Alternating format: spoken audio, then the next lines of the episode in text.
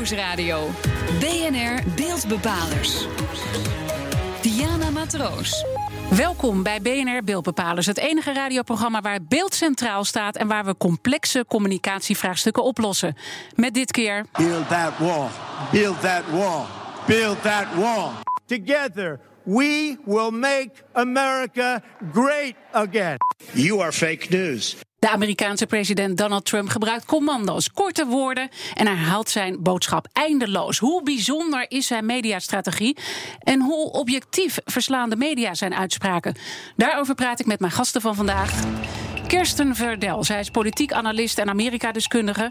En Bernard Hammelburg, BNR buitenlandcommentator. Beide van harte welkom. Uh, Kirsten, om even met jou te beginnen. Sinds hij president is, Trump, ben je heel vaak de gast bij radio en televisie. Maar eigenlijk uh, bleef je er geen plezier aan, omdat het te schandelijk voor woorden is, zijn presidentschap? Ja, dat had ik een keer ergens in een, uh, in een interview gezegd, inderdaad. Het is natuurlijk veel leuker om ja, überhaupt ergens iets over te zeggen als je er zelf ook achter staat. Wanneer in mijn dagelijkse werk uh, ben ik public affairs uh, specialist. En dan werk ik ook alleen maar voor organisaties, bedrijven, overheden die iets doen waar ik zelf achter sta. Dan word ik toch zelf ook het meest enthousiast van. Dat had je bij Obama wel, hè? Dat had ik bij Obama wel. Ik was, uh, voor de duidelijkheid, ik heb in 2008 als enige buitenlander toen der tijd, wat best wel een dingetje was, was erg leuk, op het hoofdkwartier van Obama gewerkt. ja, mijn enige drijfveer was toen dat er een democraat in het Witte Huis moest komen. Dus ik was eh, bepaald niet eh, onafhankelijk wat dat betreft. En het is voor mij nu ook moeilijk om neutraal naar Trump te kijken. Oké, nou ik hoop toch dat je blij bent dat je hier bij ons bent om erover te praten. Ook al vind je het te schandelijk voor woorden, Bernard. Als we even kijken naar deze houding, hè, het is schandelijk zijn presidentschap. Dat is natuurlijk ook wel een verontwaardiging die je hoort bij veel mensen. Hoe kijk je daarnaar? Ik probeer zoveel mogelijk mijn werk te doen. Uh, en dat is uh, zo min mogelijk een standpunt in te nemen. Dus ik neem het waar, ik versla het. Het is niet zo dat ik er niet een oordeel over heb, maar ik probeer erg mijn best te doen om me niet te laten framen. Op wat voor wijze dan ook. En dat heb ik bij uh, de vorige presidenten ook gedaan. Ik ben uh, correspondent geweest vanaf 1979. Dus ik heb een hele trits meegemaakt vanaf Jimmy Carter, Republikeinen, uh, Democraten. En die wisselen elkaar dan af. En elke keer als dat begint, op het moment, dan zeg ik dat ook vaak ook in een uitzending. Dit is nu de president. En we gaan dat zo professioneel mogelijk bekijken. Objectief uh, ja. verslaan. Maar toch, hè, begrijp je dat uh, mensen, als je even kijkt naar zijn mediastrategieën, want dat zetten wij even centraal nu. Uh, begrijp je dat mensen er boos over worden? Ja, natuurlijk. Omdat hij voortdurend mensen beledigt. Omdat hij aantoonbaar leugens vertelt. en dat ook herhaalt. Omdat hij er ook een strategie van heeft gemaakt. Hè, onder leiding van Steve Bannon en Jared Kushner, zijn, zijn schoonzoon. Die hem erop hebben getraind om een stelling in te nemen, of via Twitter of anderszins. En wat er dan ook gebeurt, en of dat nou wordt weersproken of niet, gewoon vast te houden. Uh, en dat werkt in elk geval, en daar gaat het om, bij zijn eigen achterban van grofweg 34% of zo van het electoraat. Dat dweept met hem en die roepen: ah, dat is ook allemaal prima. En, en eindelijk zegt iemand en een keer. eindelijk zegt iemand het was. En natuurlijk, het klopt niet altijd, dat weten wij ook wel, maar dat maakt niet uit. Je bent er ook even nou, een tijdje al ingedoken om hem te volgen, uh, Kirsten. En je hebt daar een plussen- en minnenlijstje van gemaakt. Als je kijkt hoe hij communiceert. En we weten al, je bent geen fan van Trump, maar toch was jouw plussenlijst veel langer dan de minnenlijst. Ja, als het gaat over communicatie, dan is inderdaad uh, er maar één conclusie te trekken. En dat is dat Trump een hele goede communicator is. Uh, het, het, minnenlijstje bestaat uit punten die Bernard net ook al aankaartte. Dat hij uh, ja, mensen beledigt, heel vaak liegt. Dus hij is al meer dan 5000 keer op leugens betrapt. Hij weet geen feiten en details te onthouden. Hij jaagt mensen tegen zich in het harnas. Hij staat totaal niet open voor kritiek, weet geen empathie te tonen. Nou, dat soort zaken zijn ook wel van hem bekend en wordt ook veelvuldig uh, overal uh, opgerakeld. Uh, maar ja, toch, de lijst met dingen die hij qua communicatie wel heel goed doet, is eindeloos veel langer. Um, hij houdt zijn boodschap heel simpel. Wat vaak uh, ja, wel bekend is bij politici dat ze het simpel moeten zijn, maar dat lukt ze dan niet. Uh, hij gebruikt hele korte woorden. Uh, bijna 80% van alle woorden die hij gebruikt bestaat uit slechts één lettergreep. Dat is echt heel interessant, moet je meer naar eens naar kijken. Hij gebruikt commando's, dus kijk naar de FBI. FBI onthoud dit, weet dat. Weet je, dus hij probeert mensen alert te krijgen op, op wat, wat hij zegt. Luister naar wat ik zeg, zegt hij ook letterlijk. Ehm, hij herhaalt zijn hoofdboodschap inderdaad eindeloos. Uh, er zijn dus ongeveer zeven herhalingen nodig voordat iets blijft hangen. Nou ja, fake news, Hillary, FBI, no collusion, the wall, witch hunt. Een marketeer zou ervan kunnen leren, toch? Ja, ik bedoel, dit is toch ja. perfecte marketing als je het vanuit die optiek bekijkt. Absoluut, want iedereen uh, onthoudt dit soort dingen. Iedereen weet dat dit de onderwerpen zijn waar hij voortdurend op terugkomt. Nou, wat hij ook heel goed is dat hij uh, feitjes en cijfers vermijdt. Um, daar haken mensen altijd meteen af. 80% van 33 procent. Nou ja, dan ben je mensen alweer kwijt. Uh, waarschijnlijk weet hij die feiten en cijfers ook gewoon niet en noemt hij ze daarom niet. Maar ja, het werkt dus dat wel. Dat is onze aanname, hè? Ja, Even precies. hier, of ja? Nou, ja, denk ik vrij terechte aanname. En hij is ook heel erg zelfverzekerd. Spreekt mensen rechtstreeks aan. Gebruikt natuurlijk social media optimaal met Twitter. Speelt in op de emotie en niet op het verstand. En dat spreekt ook mensen heel erg aan. Hij is gewoon ontzettend authentiek. Um, ja, en dit Allemaal is maar, plus, dit is maar de helft ik. van de lijst. Weet je? Uh, Dus- precies, je kan nog wel even doorgaan. Ja. En dat lijkt me toch uh, als niet-fan zijn van Trump... dat je dan toch even denkt, ai. Um, hoe maak jij dat uh, lijstje? Zijn er meer pluspunten als het gaat om Trump als communicator dan minpunten? Nou, dat vind ik even lastig. Ik ga uit van, eh, dat vind ik ook onze taak als journalisten... Uh, gewoon van het netto resultaat. Wat bereikt hij? Uh, wat heeft hij beloofd? Hij was in de verkiezingsstrijd veel duidelijker dan Hillary Clinton, omdat hij gewoon een lijstje beloften had. En die werkt hij nu stuk voor stuk af. En of ze nu feitelijk worden uitgevoerd, is niet zo heel belangrijk. Dus hij heeft beloofd belastinghervorming. Nou, die is er. Of daar mensen daar nou echt iets aan hebben, dat weten we niet. Uh, een mensen zeggen van niet. En dat mensen zelf denken ook, nou, dat zien we dan wel. Meer banen. Komt dat door hem of niet, weten we niet. Uh, maatregelen tegen valse import. Uh, nou, daar is hij nu op dit moment keihard mee bezig. Ja. En zo gaat hij stuk voor stuk die lijst langs. Uh, dus en dat heeft effect. Dus het wordt ervaren ja. als succes. En de rode draad hierin is dat al die onderwerpen die hij noemt, uh, daarover geeft hij alleen de issues aan. Dus hij uh, zegt van ja, oké, okay, we gaan uh, we make America great again. We're going to build a wall. Maar de hoe-vraag, van hoe je dat dan precies gaat doen, of die uitvoering überhaupt van, van de grond komt, die slaat hij gewoon over. Want je, hij weet gewoon, op het moment dat je daarover begint, ja, dan krijg je, dan krijg je je tegenstand van, oh, nou ja, de mm -hmm. wijze waarop je dit wil doen, dat toch, zien wij hè, niet als zitten. Je, als de hoe-vraag dan zo achterwege blijft, want je ziet wel dat er veel kritiek komt op die hoe-vraag. En dat dat wel het gesprek is dat er in de media ook wordt gevoerd. Waarom komt hij er dan toch zo goed mee weg? Nou, ik, ik blijf zeggen, als Trump spreekt, spreekt hij altijd tegen zijn eigen achterban. Nooit tegen iemand anders. Precies. Dat vind ik het briljante. Hij weet precies wie die achterban is. Uh, dat zijn die mensen in Pennsylvania, Wisconsin en noem maar, maar op. Allemaal mensen die zeggen, sinds Lyndon Johnson is er nooit meer een president geweest die naar ons omkijkt. Ze roepen het wel, maar ze doen het niet. En wij weten ook niet of hij het doet, maar hij zegt in elk geval dat hij het doet. En hij geeft signalen. En zoiets als wat nu speelt, de, de, de handelsoorlog met China, die net is losgebarsten, dat is gewoon een concreet ding. Is het ook echt uitvoerbaar? Ben ik helemaal met Christen eens. Geen idee. Maar hij, laat, hij zegt wel, we gaan het doen en we doen het op die en die manier. Hij is in ieder geval helder in wat hij wil. miljard aan nieuwe importheffingen op 6000 artikelen. Ja. Dat heeft iets concreets. Kan het ook echt? Geen idee. En als je dit nou even vergelijkt met Obama, hè, want daar wordt hij natuurlijk al continu mee vergeleken. Is dan deze strategie heel erg bijzonder die hij voert? Want dat wordt wel steeds nou, gezegd. Het is in geval heel verschillend. Obama was natuurlijk een hele andere persoonlijkheid. Een amabele, aardige, positieve man.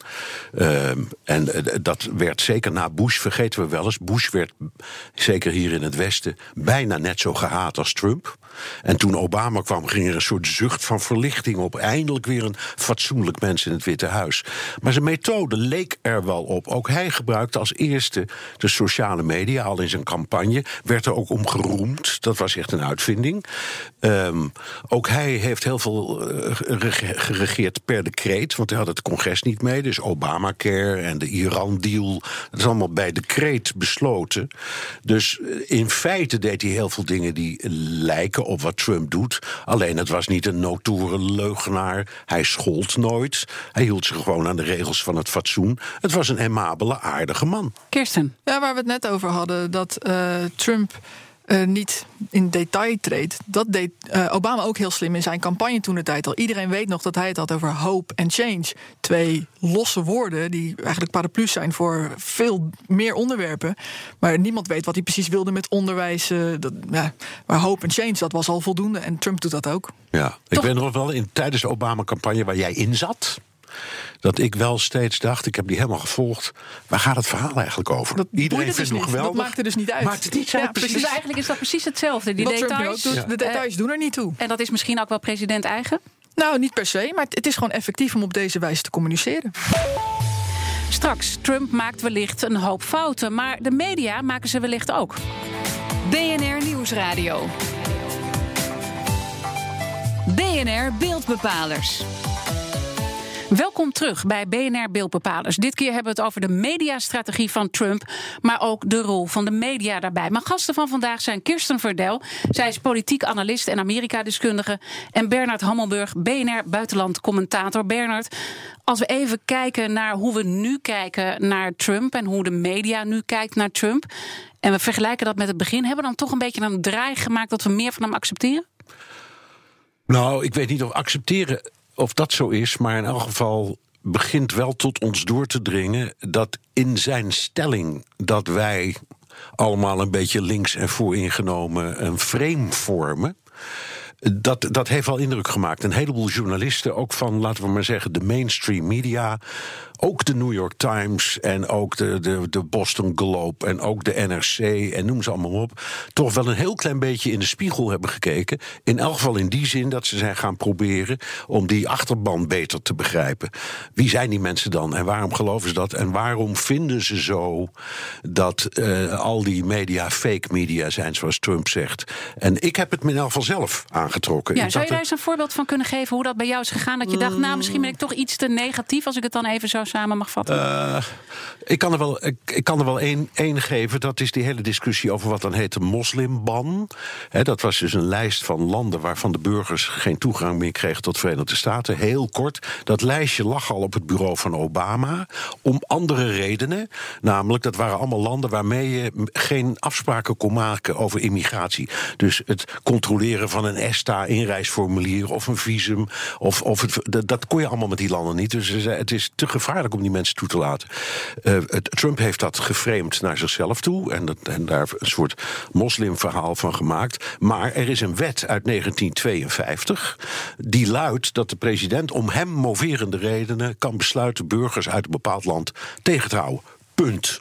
Dus, en daar greep hij ook op terug. En dat vind ik is in de media echt niet goed aangepakt. Iedereen viel over hem heen, tot ook het Nederlandse parlement. Sjoerd Sjoerdsma van D66, die riep... we- we- toen er een discussie kwam of er dan ook op Schiphol... Amerikaanse immigratie en douane moest komen. Dat kan niet, want wat Trump nu doet is tegen onze grondwet. Dat vond ik allemaal wel over de rand. En daar ben ik toen ook echt helemaal ingedoken. Ja, Hoe zit het nou echt, Ja, constitutioneel? en ik, en, ik hoor jou ook steeds nu in uitzendingen toch ook een wat nuance maken als mensen, presentatoren, eh, interviews die je tegenover je hebt zeggen van of gasten die heel negatief over hem berichten dat je zegt nou ja je moet er toch ook iets anders naar kijken. Bijvoorbeeld die topontmoeting van Kim Jong Un en Trump, waar Ja, iedereen ook een beetje lacht ja, deed het stelt niks daar voor. viel iedereen overheen. En ik zei vanaf het eerste moment: Kom op, jongens, het is beter dan met de deuren slaan. En misschien komt er niks uit, maar misschien ook wel. Je kan toch moeilijk eh, iemand kwalijk nemen dat hij met een aardsvijand gaat zitten. Ben jij ook gedraaid, Kirsten? Want ik bedoel, als we even teruggaan naar het begin. Je bent absoluut geen fan en je vindt het geen Nee. plezier, beleef je eraan... om te vertellen over Trump, omdat hij zoveel fouten maakt. Maar zie jij ook dat we aan het herstellen zijn, ook als media en ook als gasten die optreden in de media? Ja, ik, ik vind dit een hele boeiende discussie. Ik heb, eh, zat laatst in de uitzending bij M. En dat ging onder andere eh, over de, de vele duizenden leugens van Trump. En ik gaf een aantal voorbeelden van zaken waar hij over had gelogen. En ook eh, de mensen waar die, die die daardoor in problemen brachten, kaart ik aan. En vervolgens kreeg ik op social media na afloop van... oh god, heb je zo'n Trump-basher. Toen dacht ik van ja, ho ho, ik ben nu gewoon de feiten aan het laten zien.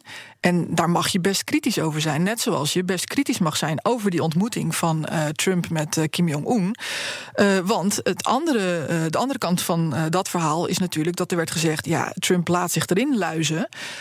Want er zijn regelmatig dit, ja, is op hoog niveau overleggen geweest met Noord-Korea. Maar de ervaring leert dat het puur tijdrekken is, zodat ze gewoon verder kunnen werken aan ontwikkeling van lange afstandsraketten met nucleaire eh, koppen erop.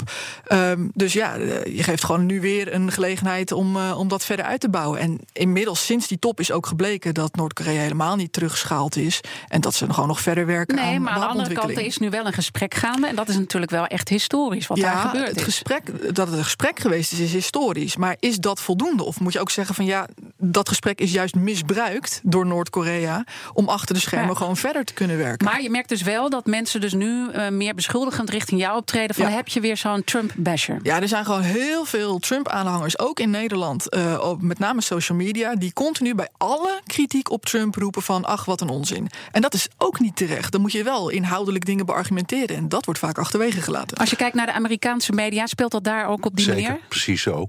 En het is natuurlijk zo dat die, die sociale media, hoe interessant ze ook zijn, het is ook een opengetrokken riool. Dus alles komt eruit.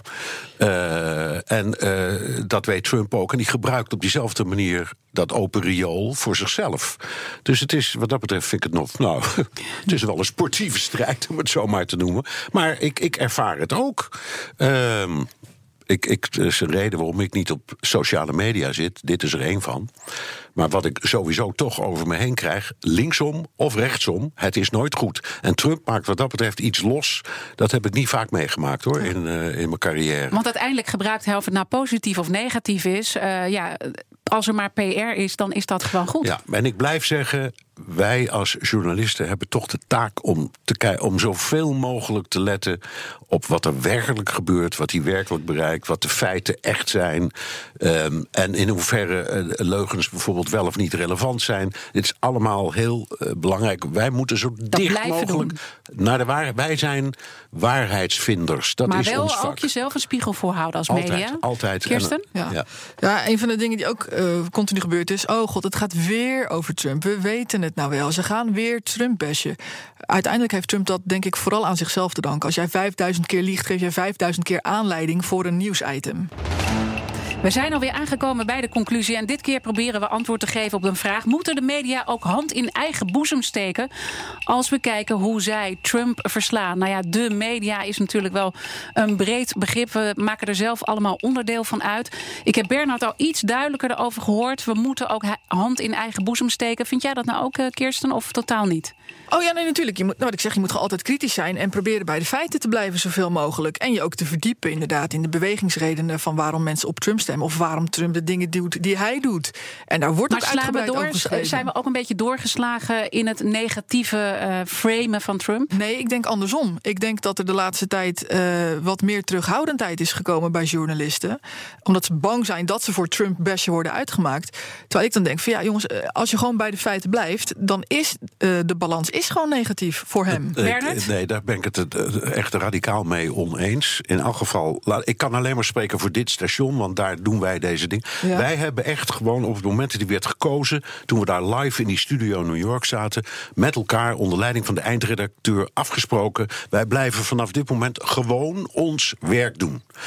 Eh, we gaan niet in de rouw, we gaan niet net doen of de wereld vergaat. Er is ook een stip op de horizon. Hij blijft nu nog twee jaar of nog zes jaar, dat weten we niet. Ik denk dat hij wordt herkozen, maar goed, weten we nog niet. En daarna komt er weer iemand anders. Zo is Ja. het. En je maar moet, maar je toch, toch heb je een draai gemaakt na een heel aantal maanden. Dat je zegt, ik moet mezelf wat meer in de spiegel Nee, kijken. dat, ja, maar- nee, ja. Ja. Nee, nee, ik heb geen. Dat, nou ja, oké, als je dat zo wil zeggen. Is ook een frame. Eh, maar ik, heb, ik ben het me van meet af aan bewust geweest. Ik wil niet meedoen aan besje van wie dan ook, op wat voor manier Nee, dan maar ook. wa- wanneer is het mesje? hè? Want op het moment dat je dus gewoon zegt van... goh, eh, eh, Trump liegt ergens over... en dat kaart je aan... dan word jij uitgemaakt voor Trump-basher. Maar dat is niet bashen. Nee, eh, dat is waar. Maar goed, dat is een hele ingewikkelde. eh, dat gaat over formuleringen. Zeker bij presentatoren en vragenstellers. Niet zozeer in mijn commentaren. Want ik heb natuurlijk een dubbelrol bij dit station als buitenlandcommentator. Maar laat ik een ander voorbeeld geven. Ik verzet mij zeer tegen het het aanduiden van Noord-Korea als het Noord-Koreaanse regime. Ik heb het gewoon over de regering Kim Jong-un. Dat, zijn, dat is op dat moment dat je doet, ga je besje. En dat doen we met Trump ook, dit soort dingen.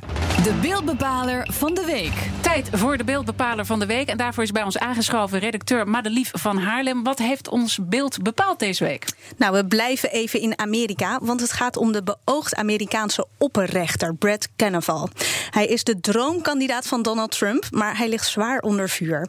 Kavanaugh zou als tiener een vrouw hebben aangerand en nu is het de vraag of de Senaat hem gaat benoemen. Nou, de vrouw is een universitair uh, docent, Christine Blasey Ford, en zij wil getuigen voor de Senaatscommissie. Kavanaugh die uh, ontkent en hij zegt ook uh, dat hij onder Ede vragen wil beantwoorden hierover. En ehm, ik ben eigenlijk wel benieuwd, want Kirsten, ik vraag me af, heb jij dit nieuws gevolgd? En denk jij ook van, nou ja, is dit zo groot opgepakt omdat dit de droomkandidaat van Donald Trump is? Uh, het is in ieder geval iemand die hij inderdaad heel graag uh, uh, wil hebben, omdat hij denkt dat het een conservatieve rechter is die precies in zijn straatje past en dus langdurig het republikeinse verhaal daar kan behartigen eigenlijk. Um, maar ja, ik ben benieuwd hoe het verder gaat. Want de Democraten proberen nu op alle mogelijke manieren om zijn confirmation uh, uit te stellen. En dat hopelijk dus over de midtermverkiezingen op 6 november te tillen. Maar ja, ik acht dat niet heel erg reëel uiteindelijk. Omdat de Republikeinen gewoon een meerderheid hebben. En kosten wat kost een Republikeinse opperrechter erbij willen hebben. Dus je volgt het met uh, bijzondere interesse. Zeker. Blijf je dit verhaal uh, volgen? Bernard, hoe kijk jij naar dit ja, verhaal? Wat vind je erop? Met heel veel belangstelling. Ik geloof aanstaande maandag of dinsdag komt die mevrouw getuigen voor de Senaat. Ze was eerst anoniem, maar omdat er zo'n gedoe over was, zegt ze: Ik laat gewoon weten wie ik ben. En ik wil hem ook confronteren. En hij zegt: Dat is prima. Um, en we moeten maar zien hoe dat afloopt. Het, hij was 17 en zij was 15. Maar goed, het was wel aanranding of poging tot uh, verkrachting volgens haar. Hè? Ja. Ik bedoel, niemand zegt dat hij schuldig is, maar het is haar beschuldiging. Uh, wat ik interessant vind aan het hele, hele verhaal is dat we Kavanaugh koppelen aan Trump, wat logisch is. Maar als niet Trump president was geworden, maar een andere republikein, laten we zeggen, eentje die we wat sympathieker vonden, een, een wat meer liberaal, een McCain-achtige man, ik noem maar wat, dan had hij precies diezelfde keus gemaakt. En ook dan was, wat nu gaat gebeuren, Kavanaugh gewoon benoemd. Oké, dus dat is mooi om dat weer even in perspectief te plaatsen als het gaat uh, om beeldvorming. Verwachten jullie trouwens dat hij het moeilijk gaat krijgen bij de midtermverkiezingen? Want die zijn natuurlijk al in november. Dit is echt waar ik vanaf dag één van Trumps presidentschap naar verwijs. De Republikeinen laten Trump alleen maar vallen als ze bij de midtermverkiezingen onderuit gaan. Dus op het moment dat ze daar het huis en de senaat zouden verliezen, ja, dan zal iedereen zeggen dat komt door Trump en zijn uh, mm-hmm. uh, ja, gebrek aan populariteit op dit moment. En dan laten ze hem vallen als een baksteen. Want dan hebben ze er namelijk zelf last van. En anders niet. Nou, ik, ik ga maar gewoon op de peilingen af. Uh, het huis zal wel democratisch worden ja. en de Senaat zal wel republi de, republikeins blijven. En er gebeurt er eigenlijk niet veel.